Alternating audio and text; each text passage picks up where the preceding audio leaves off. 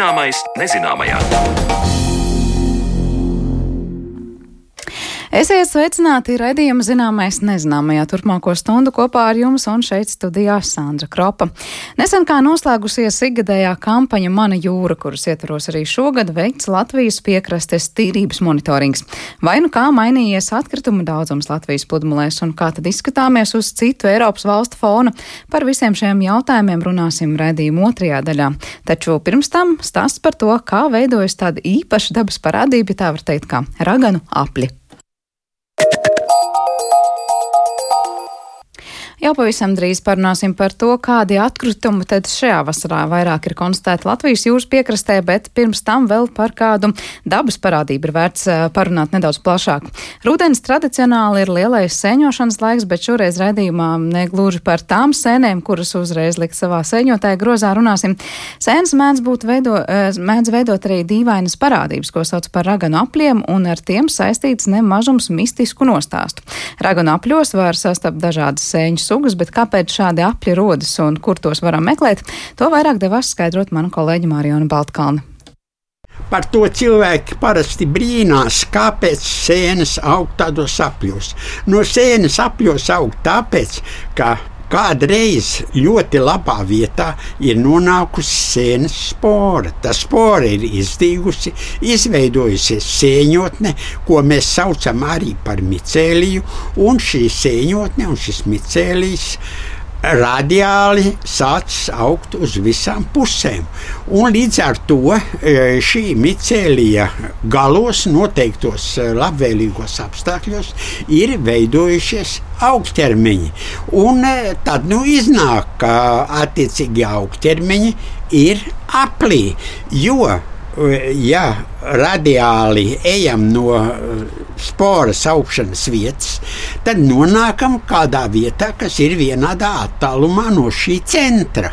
Un eh, tāpēc arī eh, tā izveidojās šie raganu apļi. Par ikdienišķām un netik ļoti bieži sastopamām norisēm sēņu pasaulē ar aizrautību spēj stāstīt valsts emeritētais zinātnieks, bioloģijas zinātņu doktors, Latvijas mikologu biedrības goda priekšsādētājs Edgars Vimba.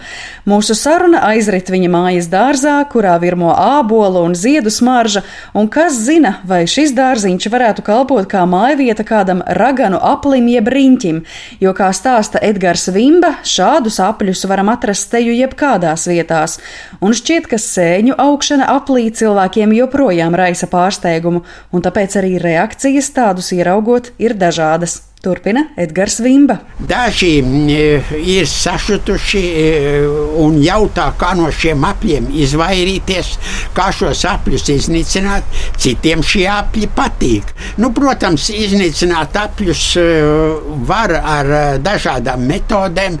Iesaka, piemēram, tādu lietu kā augsnes nomainīšanu. Nu, tas ir smags un ļoti darbietilpīgs process.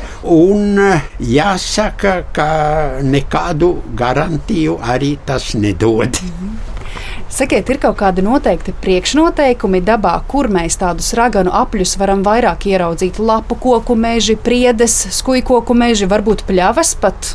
Kas attiecās uz augšanas vietām, tad jāsaka, ka raganu apļus mēs varam atrast visur. Gan mežā, gan arī pļāvās, zālājos un arī pilsētās kultivētajos zālājos, pilsētās kultivētajos zālājos ļoti bieži raganu sapņus veido pļavas vītene. Un e, nav kādu īpašu sēņu sugu, kuras veido augtermiņus šādos apļos. E, praktiski šādus augtermiņus var veidot ļoti daudzas un dažādas sēnes. Eiropā ir atzīmēts, ka ir kādas simts sēņu sugas, kurām ir atzīmēti augstermiņi. Nu, eh, skumīgs ir tas fakts, ka daudzos gadījumos eh, šo augstermiņu sēnes ir eh, kaitīgas šīs sēnes dažādiem kultūra augiem. Tas ir gan dārzeņiem, gan arī puķu audzētājiem. Piemēram, bekas, baravikas, gailenes. Tās arī var saukt raganu apļos, vai tās ir tikai nu, tādas indīgās sēnes? Ja. Jāsaka, ka raganu apļus var veidot ļoti dažādas sēnes. Tās var būt bekas, tās var būt pat mušmiras, tās var būt arī citas sēnes. Un nebūtu nav jādomā, ka raganu apļus veidojošās sēnes visas ir indīgās sēnes. Šos raganu apļus veido ēdamās sēnes, kā piemēram milzu baltmietene, kas attiecās uz uh, raganu apļu mm, ietekmi uz apkārtējo dabu. Tad bieži vien uh, mēs uh, raganu apļu tu, apkārtnē, tūmā, redzam nekrotisko jostu, kur augi ir izmiruši. Tās ir vietas, kur izmantotas visas barības vielas un kur arī nav ūdens. Un ir vietas, raganu apļu vietas, kurās uh, sadalās uh, vecā sēņotne, un kas ir bagāta ar barības vielām. Tajās vietās mēs redzam spēcīgu zāles vai arī citu augu augšanu. Mhm. Ja raganu apļus var veidot te jebkādas sēņu sugas, tad iespējams vismaz daļa no tām veido arī tā saucamo mikorizu. Tās varētu būt mikorizas sēnes, kas veido labvēlīgas attiecības ar kādu augu vai koku. Jā. Tās varētu būt arī mikrofons sēnes, lai gan vairumā gadījumu raganu apļu veidotājs ir gluži vienkārši saprotrofās sēnes, kas uh, ar kādu noteiktu koku sugu uh, nav saistītas.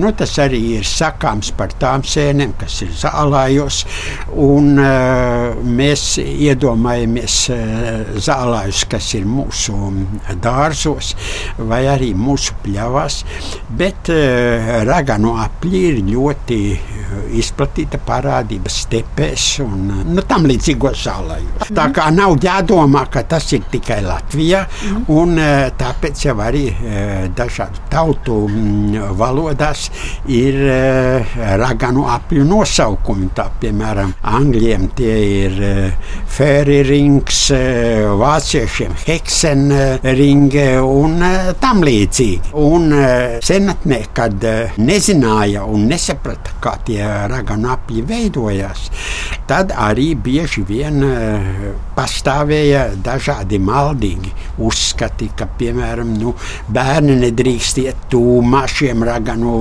apļiem.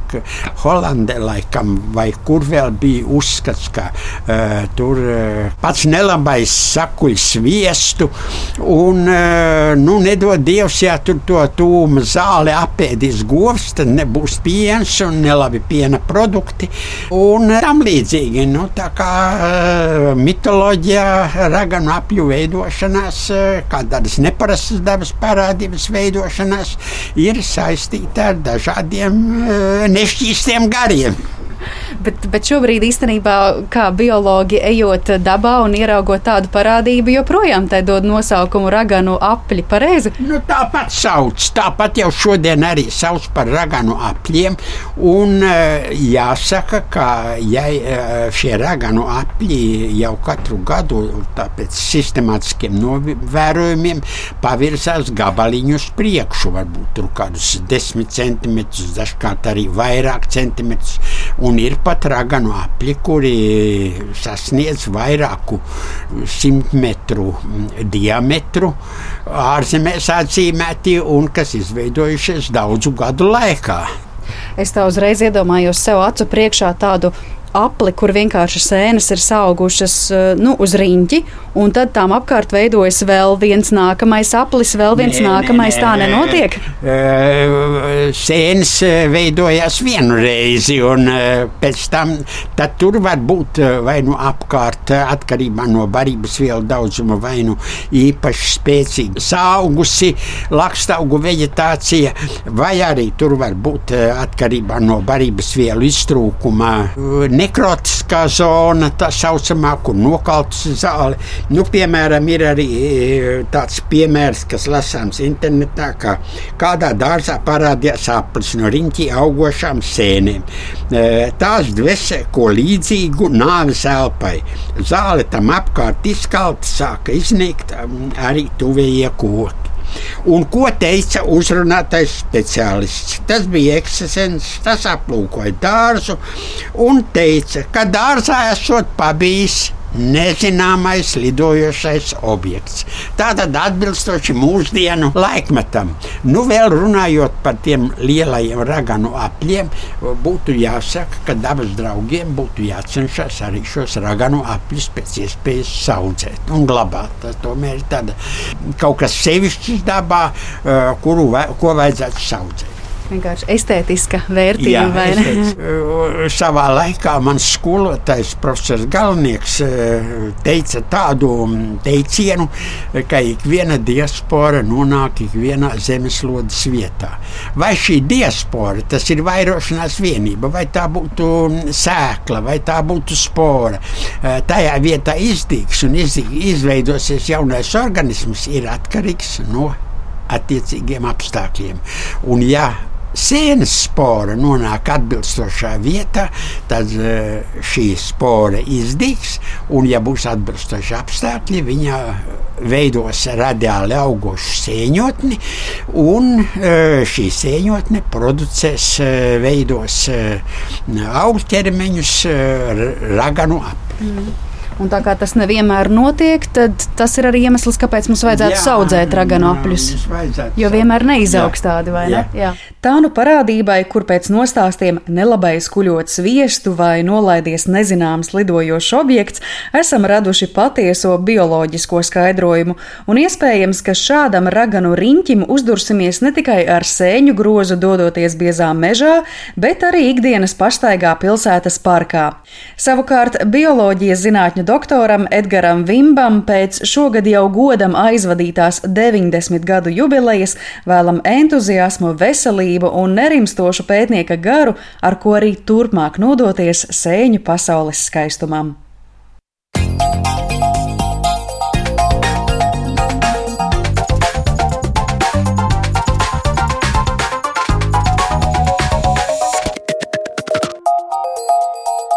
Zināmais nezināmajā.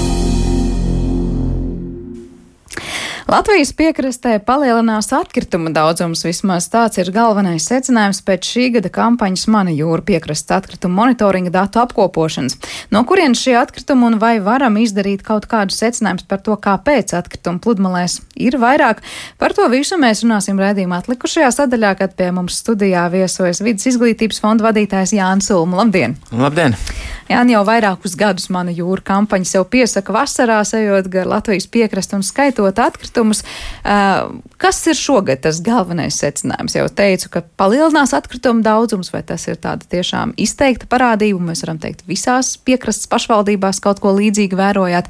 Pieaug dažādība, kāda ir atkrituma, kas ir tas, ko redzējāt šovasar? Jā, nu redzējām to, ka nepiepildījās mūsu cerības, ka beidzot tā, tā līkne un tas grafiks sāks iet uz labo pusi. Tas mūs īstenībā nedaudz sarūktināja, jo vairumā pašvaldība te atkal ne, ne par ko nevar runāt ļoti vispārīgi. Vairumā pašvaldība tiešām pēdējos četros gados ir uh, uzlabojumi, tādi apsaimniekošanas un tā izpratne ir palielinājusies. Bet uh, tas viens no galvenajiem secinājumiem ir tas, ka vairs ar apsaimniekošanas uzlabojumiem vien tur vairāk konteineru, jēdzīgāka savākšana, mēs acīm redzot nespējam panākt to iepakojuma materiālu un dažādu, dažādu plasmasas materiālu lietojumu un izmešanas pieaugumu un to uzkrājuma novākšanu.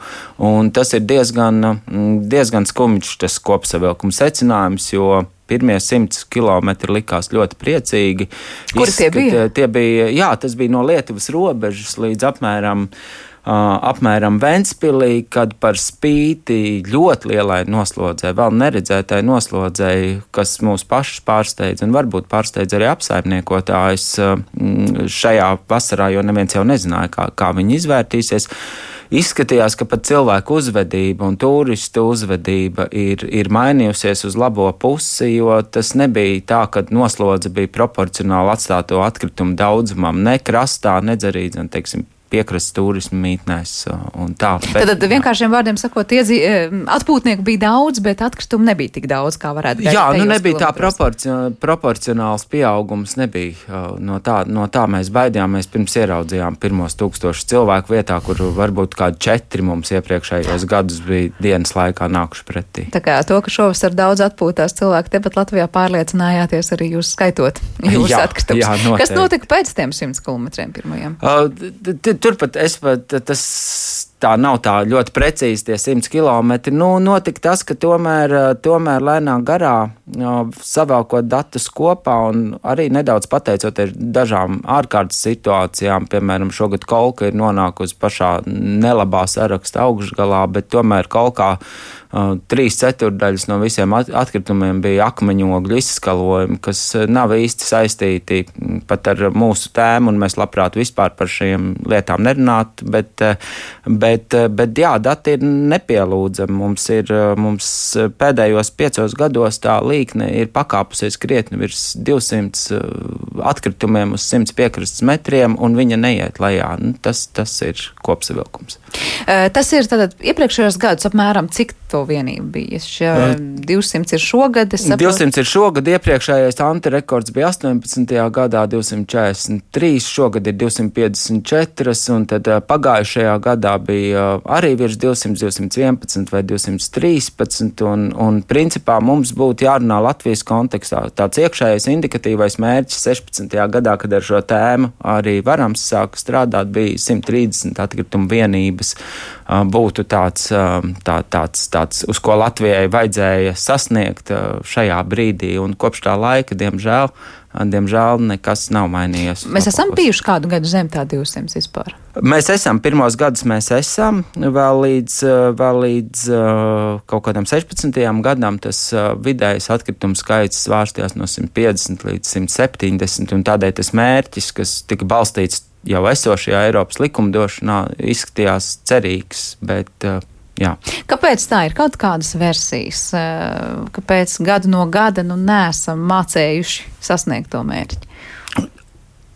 Jā, nu, viena tā versija, nu, tādas divas tēzes vai divi tādi, tādi secinājumi, kas mums ir, jā, viena ir tā, ka tie plasmasas materiāli, kas ir galvenokārt vismaz vairāk kā pusi no visiem, viņu lietojums un viņu izmantošana To ne, un tas pieaugums to nevar kompensēt ne ar kādiem apsaimniekošanas pasākumiem. Ir jābūt preventīvām rīcībām, kur Latvijā nav un par kurām arī dzene Eiropā tikai sāk domāt. Tad patērēt mazāk un vispār nenonākt līdz patērētājiem. Jā, materiāli. protams, ierobežot daudz, daudzas no tiem visiem plasmas niekiem un iepakojumiem. Tās ir lietas, kurām nevajadzētu 21. gadsimtā tikt, tikt ražotā. Mēs zinām, ka arī Eiropas Savienība dāt ir vismaz uz papīra ir šis vienreiz lietojamās plasmas ierobežojuma uh, direktīva un ir plasmas stratēģija, kur daudz šādas rīcības uh, ir paredzētas, bet viņām ir jānonāk uh, līdz ieviešanai dzīvē. Un tas arī dzen, noved pie tās otras mūsu tēzes, ka tie atkritumi pludmalē jau ir tikai nu, simptoms slimībai, un tā slimība ir um, Latvijas vājā vai arhaiskā. Es pat nezinu, kā lai tā pieklājīgi noformulē. Nu, pat man ir apnicis šajā tēmā pieklājīgi formulēt. Tā vājā atkrituma apsaimniekošanas politika vispārībā valstī, un, un tā ir šī gada tēma. Var teikt, tā atspoguļojas piekrastes atkritumos. Ne tikai, jā, tā atspoguļojas piekrastes atkritumos, kā vienā no vietām, tā atspoguļojas gandrīz katrā Latvijas mežā, tā atspoguļojas uh, Tepat Rīgā, kad ir jāsaņemas pat cilvēkam ar augstu vides apziņu un, un vēlmu kaut ko darīt, lai saņemtos drosmi aiziet uz tiem diezgan tādiem kriminogēni bīstamajiem šķirošanas laukumiem, un tā atspoguļojas faktiski visur. Lai izskaidrot, kāpēc tā vājā politika atkrituma apsaimniekošanas vainagojas ar to ainu, ko mēs redzam pludmalē piekrastes. Varbūt var ieskicēt, kādi ir tie atkrituma ceļi, kas nonāk, eh, ceļi kādos atkritumi nonāk līdz pludmalē, jo man liekas, tas mīts, kas joprojām ir dzīves, ka cilvēkiem liekas, ka nu vislielākā daļa tie ir atkritumi, kuru, kuri nāk no pašas jūras, proti tur kuģi pie vainas, vēl kaut kas, bet uh, parasti pētījumi rāda, ka tā ir salīdzinoši maza daļa. Jā, tie atkritumi, kas nāk no, no jūras Latvijā, mm, pēc, pēc, pēc mūsu datiem, datiem ir nedaudz vairāk par 20%, un globāli arī tā ir tikai viena piekdaļa atkritumi, kur mēs varam vainot kruīzu kuģus vai zvejniecību, jūras transportu. Un tad atlikušie 80% nāk no, nāk no saules zemes, un tas nav, jā, tas, tas, tā, tas pieņēmums ir, ka tie var būt tikai turisti vai tie, kas at, atpūšas piekrastē. Bet tas tā nav arī dzen, no Daugaupils, Daugavā iemesti atkritumi vai kaut kādas kļūdas atkrituma apsaimniekošanā var nonākt tepat līdz jūrai. Tas ir lauksaimniecība, tā ir nepare, nepareiza atkrituma apsaimniekošana. Tās ir visas pilsētas, kas atrodas pie upēm. Katrs vecerīgā nomestais izsmēķis, um, nu, ar die, nevis ļoti lielu ticamību, bet ar diezgan tādu pamatotu ticamību pēc tam atrodas Daugaugrīvas, uh, Bolderājas vai Vecāķu uzskaites uh, laukumā. Tas tāpēc, ka tas tur nonāk ar, uh, nezinu, Viņš var ar upēm, ar, ar, ar lietus ūdeņu pārplūdēm, virknē atkritumu, ko mēs atrodam, ja mēs Daugaugrīvā, Bolderājā vai lielajām pilsētām atrodam tur uz, uz kvadrātmetru 100 vates kociņus, kas par laimi tad beidzot tiek aizliegti ļoti lēnā garā, gan tad tas ir, nu, katra pilsētnieka ieguldījums. Tas nav turists, kas ir atnācis un, un tīrīs savas netīrās ausis. Tas ir tas cilvēks, kurš eh, varbūt pat mīlēdams eh, dabu ir iemetis eh, kanalizācijā savas higiēnas preces. Jā, mīlēdams dabu un metot kanalizācijā higienas nu, preces, arī prom no acīm. Vai ne? Diemžēl, diemžēl. Par to daudz tiek runāts. Iet, jā. vai šogad ir kādi, nu, īpaši pārsteigumi vai jauni atkritumu veidi? Es esmu dzirdējis pirms tam arī esat runājuši par to, ka tiešām sejas maskas, kas šogad ir, kā saka, šī gada, var teikt, simbols, man liekas, daudziem ir atrasts plūmā. Uh, jā, jā, ir atrasts mums monitoringa laukumos šie Covid atkritumi uh, bija faktiski pirmo gadu tas nebija tādā masveidā, kā viņi sastādīt lielāko daļu vai pludmā būtu noklāta ar maskām, bet eh, jā, it īpaši kurzemes krastā un ap lielajām pilsētām šie covid atkritumi, atkritumi bija. Otrs pārsteigums, kas, eh, kas droši vien ir tikai tāds pirmais gads pārsteigumiem, ir tabaks eh, karsēmo iekārtu filtri, un, un tas ir materiāls, lai par spīti visam, ko, ko ražotāji saka par šo, šiem materiāliem, tas ir kaut kas, par ko man liekas, mums būs jārunā stingrāk daudzus nākamos gadus, jo tas rada nevis tur vienu, bet uh, trīs līdz piecas atkritumu vienības. Pirmām kārtām, otrām kārtām tā filtra specifika, viens filtra daļas specifika ir tāda, ka, manuprāt, viņi ir arī drauds drošībai pludmalē, jo uz viņiem var sagriezties, kad tā plastmasas cietā sāk ritināties vaļā. Tā kā jauni atkritumu veidi parādās, parādās arī tas. Un vecie nepazūd. Vecie nepazūd, diemžēl, jā. Bet vai ir kaut, kaut kas tāds, kas var teikt, nu ir gājis zudumā, vai ir kaut kādas pozitīvas vērsmas vērojams, ka kaut ko esam iemācījušies, varbūt nepatērēt vai kaut ko labāk savākt, vai tas ir pārāk abstrakti? Kaut ko labāk savākt mēs noteikti esam iemācījušies, un es domāju, ka ir virkne pašvaldību, kurām jāsaka liels paldies. Piemēram, šogad mēs pirmo reizi veicām monitoringus arī dzen Lietuvā, tādu testa monitoringu. Un mēs veicām monitoringu apus Latvijas-Lietuvas robežai. Un, uh, arī dzen, novērtējot to darbu, ko, piemēram, Brucevas novads piekrastes apsaimniekošanā savu iespēju robežās ir pēdējos trīs gadus, uh, četrus vismaz darījis papildus, uh, tad jāsaka, ka tas atkritumu daudzums faktiski vienā un tajā pašā pludmales nogriezienī atšķirās par trešdaļu. Ja Lietuvā tie bija virs, virs 400 atkritumu vienībām uz 100 metriem, tad mums bija par trešdaļu mazāk. Cik liela nozīme ir tam piekrastes iedzīvotājiem? Es pati tieši tajā konkrētajā nokrieznī, par ko runāju, esmu redzējusi cilvēkus, kas tur uz vietas dzīvo, starp lietuvieši, kas ejot pastaigāties uz jūru, ņem maisiņu līdzi un vāc tos atkritumus. Tādās ikdienas savās gaitās tās nav talkas, par ko es šobrīd runāju. Vai tam ir nozīme? Tas varētu būt kāds poguļos jūsu datos. Kā? Tam, protams, ir, ir nozīme. Uh, un, uh, mēs redzam arī dzen, šādu iniciatīvu ietekmi daudzās citās pašvaldībās, kur, kur vai nu skolas ir entuziastiskas par savu piekrasti. Tā, tas ir tāds papildu, papildu atbalsts, tas, protams, ir, lai izņemtu no aprites šos atkritumus. Vienīgais, kas jāpiebilst, ir, ka nevajadzētu atstāt visu šīs problēmas risināšanu šādu 1-2% sabiedrības uh, pleciem, kas nespēja noskatīties vienkārši uz to situāciju. Par, tu teici, ka dažas pašvaldības ir ar tiem labajiem piemēriem, vai mums ir kaut kādas vispār, nu, ja tā iedomājamies Latvijas karti piekrastes eh, vietas, kuras būtu izceļams kā tādas, kurās viss ir kārtībā gada no gada? Kurās viss ir kārtībā, es baidos teikt, pat ja man prātā tas ir, jo nu, tas tāda nelaimes piesaukšana. Bet divas vietas es noteikti gribu pēc datiem izceļas divas konkrētās vietas, kas nav visa pašvaldība, bet kas ir uh, faktiski tādas uh, apdzīvotās vietas. Tas ir abrakciems, kur, kur ir uh, ļoti liela izpratne tieši no pludmales un piekrastes apsaimniekotāju puses, un arvien lielāka izpratne arī no pašvaldības puses par, par šiem jautājumiem. Tā ir ziemupē arī, kur, kur tā, tā pludmales tīrības uzturēšana ir, ir asinīs, un cilvēkiem, vietējiem cilvēkiem tas, tas rūp.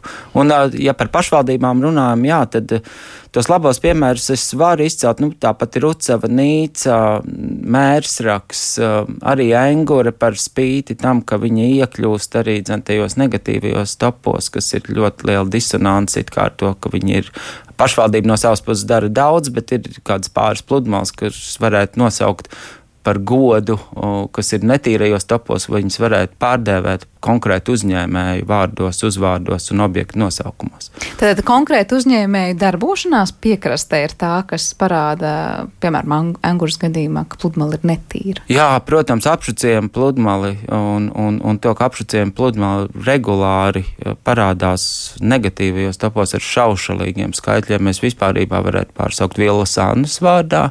To es varu droši teikt, uzņemoties visu juridisko atbildību. Jo nu, t, t, tas iziet ārpus nu, tādām, ja, ja re, realistiski nespēja savākt aiz, aiz saviem klientiem un, un var tik ļoti ignorēt to, kas notiek turpat aiz logiem. Tas tā, un klapkalnciemā arī dzen attīstoties, mēs redzam, klapkalnciems kādreiz bija ļoti labs piemērs, un, ne, un pašvaldība no savas puses ir izdarījusi daudz, lai tur uzlabotu gan infrastruktūru, gan to. Protams, noslodze no Rīgas ir liela, bet tie dati sāk pasliktināties tad, kad sākās pludmales ballītes pie kafejnīcas un kaut kas līdzīgs sporta aktivitātēm. Jā, šeit arī klausītāja komentārs. Man liekas, ka īpaši skaļi būtu jākliedz par cigarišu izsmēķiem. Šķiet, smēķētāji, kas varbūt citādi ir labi pret dabu, nesaprot, ka tie izsmēķi ir atkritums, un pēc tam mazi bērni tos pētnieciskos nolūkos bāž mutē. Gan jau arī putniem par tiem ir interese. Uh, par izsmēķiem, starp citu, zinu, ka arī daudziem ir pārsteigums, ka tas klasificēs kā plasmasas atkritums. Oh, jā, jā, jā. Visi izsmēķi ir, ir polimēra materiāls, turklāt tāds, kas sadalās līdz pat 1200 dažādās šķiedrās.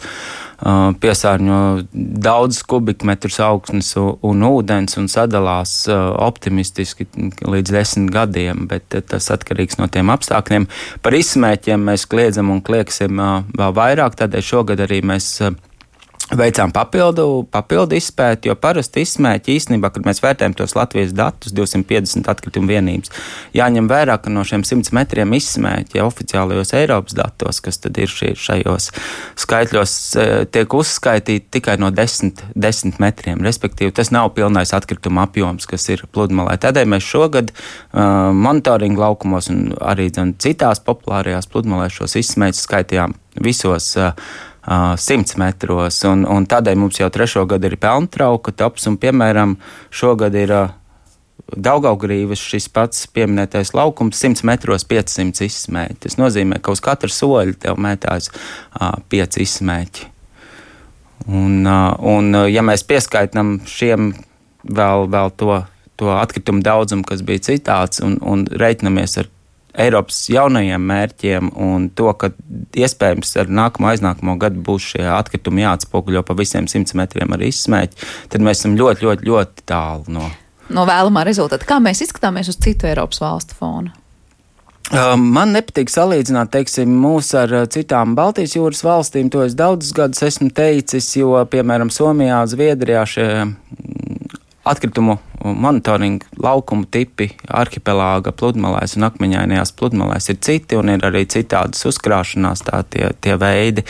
Bet tas uh, pa vidu apmēram mēs esam, ja mēs salīdzinām ar mūsu tipoloģijas pludmalēm, teiksim, ar, ar Poliju, ar Vāciju, tad nu, sliktāk jau mēs sākam izskatīties kā vidējais aritmētiskais, bet visas Eiropas valstis faktiski ir 95 līdz 97% attālumā no, no šiem jauniem Eiropas Savienības mērķiem, kas dāti jau kompromisa variantā būs tādi, kas pārsteidza pat mani.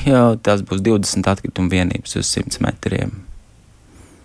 Tā kā diezgan neoptimistisks skats šobrīd uz Latvijas es, pludmalēm. Uz Latvijas pludmalēm, jā, kamēr nebūs kaut kāda nacionāla risinājuma un kamēr nebūs kāda kompleksa risinājuma, tad īpat laikā ir prieks par, par tiem gan cilvēku, gan organizāciju, gan pašvaldību šo, šo darbu un ieguldījumu, jo tad tiešām uzlabojumi ir. Jā, mums ir uh, nedaudz laika šajā raidījumā, lai parunātu par noteikti divām lietām. Es noteikti gribu pavaicāt tev, kā notiek pats skaitīšanas darbs, lai nav tā sajūta, ka nu vienkārši viens iet un ko pamana, to pamana. un tu arī stāstīji par to metru skaitīšanu, kas uz ko tiek attiecināts. Bet pirms tam mēs ik pa laikam pieminām, tad tu sāki, jā, ir labie piemēri, kur, piemēram, infrastruktūra ir sakārtota, bet izskatās, ka, piemēram, nu, kāds konkrēts uzņēmējs vai uzņēmums ir tas, kurš ir pie vainas, kāpēc tā konkrētā vieta ir tajā antitopa sarakstā, ja tā varētu teikt. Tajā pašā laikā citur ir tas klupšanas akmens tajā, ka infrastruktūras nav, bet ir, piemēram, augsti iedzīvotāji, tur vidas apziņa un iniciatīva. Citur atkal liekas, jā, ir kaut kādi apmeklētāji un paši tie vietēji iedzīvotāji, kas nu iet un vāc, un no vienas puses tur ir atkal progress. Kāda ir tā recepte, uz kā pleciem mēs varam teikt, varam likt to slogu, lai tā problēma mazinātos? Tad no vienas puses infrastruktūra būs tas galvenais klupšanas akmens, konkrēta uzņēmēju rīcība vai tomēr visa sabiedrības vidas apziņa kā tāda? Nu, tā, tas, tas baļķis ir diezgan liels, tas ir, tas ir jānes daudziem kopā, un rezultāts mēs varam gaidīt tikai tad, kad sanāk kopā četri līmeņi, respektīvi šī iedzīvotāja atbildība un izpratne, jo tas ir būtisks nu, pamat, pamat stūrakmens. Otrs ir pašvaldība, praktiskā izpratne un iniciatīvas un, un efektīva un saprātīga apsaimniekošana. Trešais tas ir nacionālais līmenis, jo, jo atkrituma apsaimniekošanas politika, nu, diemžēl, gan neizskatās, ka viņa tiks iecelta mums arī dzen, jo e, jaunā atkrituma apsaimniekošanas plāna. Drafts ir tāds vēl 90. gados aizkavējies. Mums vajadzētu atkrituma apsaimniekošanas politikai pārcelties uz 21. gadsimtu un ņemt vērā prevenciju un atkritumu rašanās novēršanas. Uh, iespējas. Un tad ir starptautiskais līmenis, kur piemēram attiecībā par zvejniecības rīkiem un, un tīklu veidiem, kad, kur ir, ko var izsnākt tikai valsts kopā. Un rezultāti būs. Tad, kad visi šie četri līmeņi sakritīs kopā, pašlaik švakākais, ja pirmajos gados tas bija iedzīvotāju apziņa, ar ko, protams, ir jāstrādā, un pašvaldību teiksim, izpratne un, un tie apsaimniekošanas pasā, pasākumi. Pašlaik švakākais ir nacionālais atbildības līmenis. Ko mēs varam darīt? Tas ir kaut kādas iedzīvotāju iniciatīvas un prasīt no politiķiem, vai tur ir tā sajūta, ka mēs saucam, saucam, bet mūs nedzird, kamēr cits intereses ir varbūt augstāk vērtējums. Mm. Man liekas, ka vidas aizsardzībā jau ir tik daudz neizdarīto darbu, ka, protams, šī nav tāda prioritāte. Mums tas, kas pašlaik ir jādara, ir jāmēģina tā, tāda eiropeiska domāšana par, par atkritumu rašanās novēršanu, par konkrētu plasmas materiālu, materiālu aprits ierobežojumiem piekrastes zonās, ir, ir jāmēģina, jāmēģina piespiest vai iedvesmot, lai, lai arī nacionālā likumdošanā šīs lietas parādās. Un otrs ir jāmēģina iedzīvotājiem savas vietas, savas pašvaldības um, inicijēt uz, uz tādiem praktiskiem risinājumiem, jo aizliegt salmiņus pludmalēs vai pludmales kafejnīcās. Tas ir, tas ir diezgan vienkārši izdarāms arī pašvaldības līmenī, un mēs ar zilā karoga pašvaldībām sadarbojoties jau cerams līdz 23. gadam vismaz zilā karoga pludmales no vienreiz lietojamās plasmasas būs brīvas. Tu pieminēji arī pirms tam, kur ir tie priekšmeti, kurus no 21. gadsimtā vairs vispār nevajadzētu ražot, vai tajos datos, kas ir mani jūra rīcībā, ir konkrēti piemēri, kas varbūt ir kliedzošākie? Jā, nu, Tas, protams, ir, protams, ir tie paši salmiņa ēdienu trauki, visai, visi vāciņi, un, un plastmasas, plastmasas pudeles, kurām nevajadzētu nonākt, nonākt apritē. Nu, fakti, vienreiz lietojamā plastmasa būtu jāņem. Viņi varbūt datos neparādās, kā teiksim, mums ir 10% ēdienu trauku, tāpēc, ka tad, kad mēs viņus atrodam pludmalē, viņi jau vairs ir neidentificējami un viņi ieiet citā kategorijā, bet nu, tā ne, neskaidrā plastmasas ne, neidentificējamie plasmas objekti, kas Latvijā 20% no visiem atkritumiem ir, ir šī nāk no šādām. Kas notiek ar tajām atkritumu konteineriem pašās pludmalēs? Nu, es domāju, neviens viens pludmales apmeklētājs dažādās vietās ir redzējis konteinerus, kas par nav apsekti, un tad dažkārt liekas, nu, ja ir vējains laiks vai putni uzdarbojas pie tiem konteineriem, nu, vai, piemēram, ir liela nozīme tam, ka varbūt tas pludmales apmeklētājs labu gribot visu kārtīgi ir neatstājis aiz sevis pludmalē, bet patiesībā tie konteineri tur ir tie, kas rada tālāk tos piesārņojumus. No otras puses, nu, varbūt teikt cilvēkam nes atpakaļ tos atkritumus līdz, līdz tai tālākai kādai zonai, kur tu sāk iet uz to pludmali.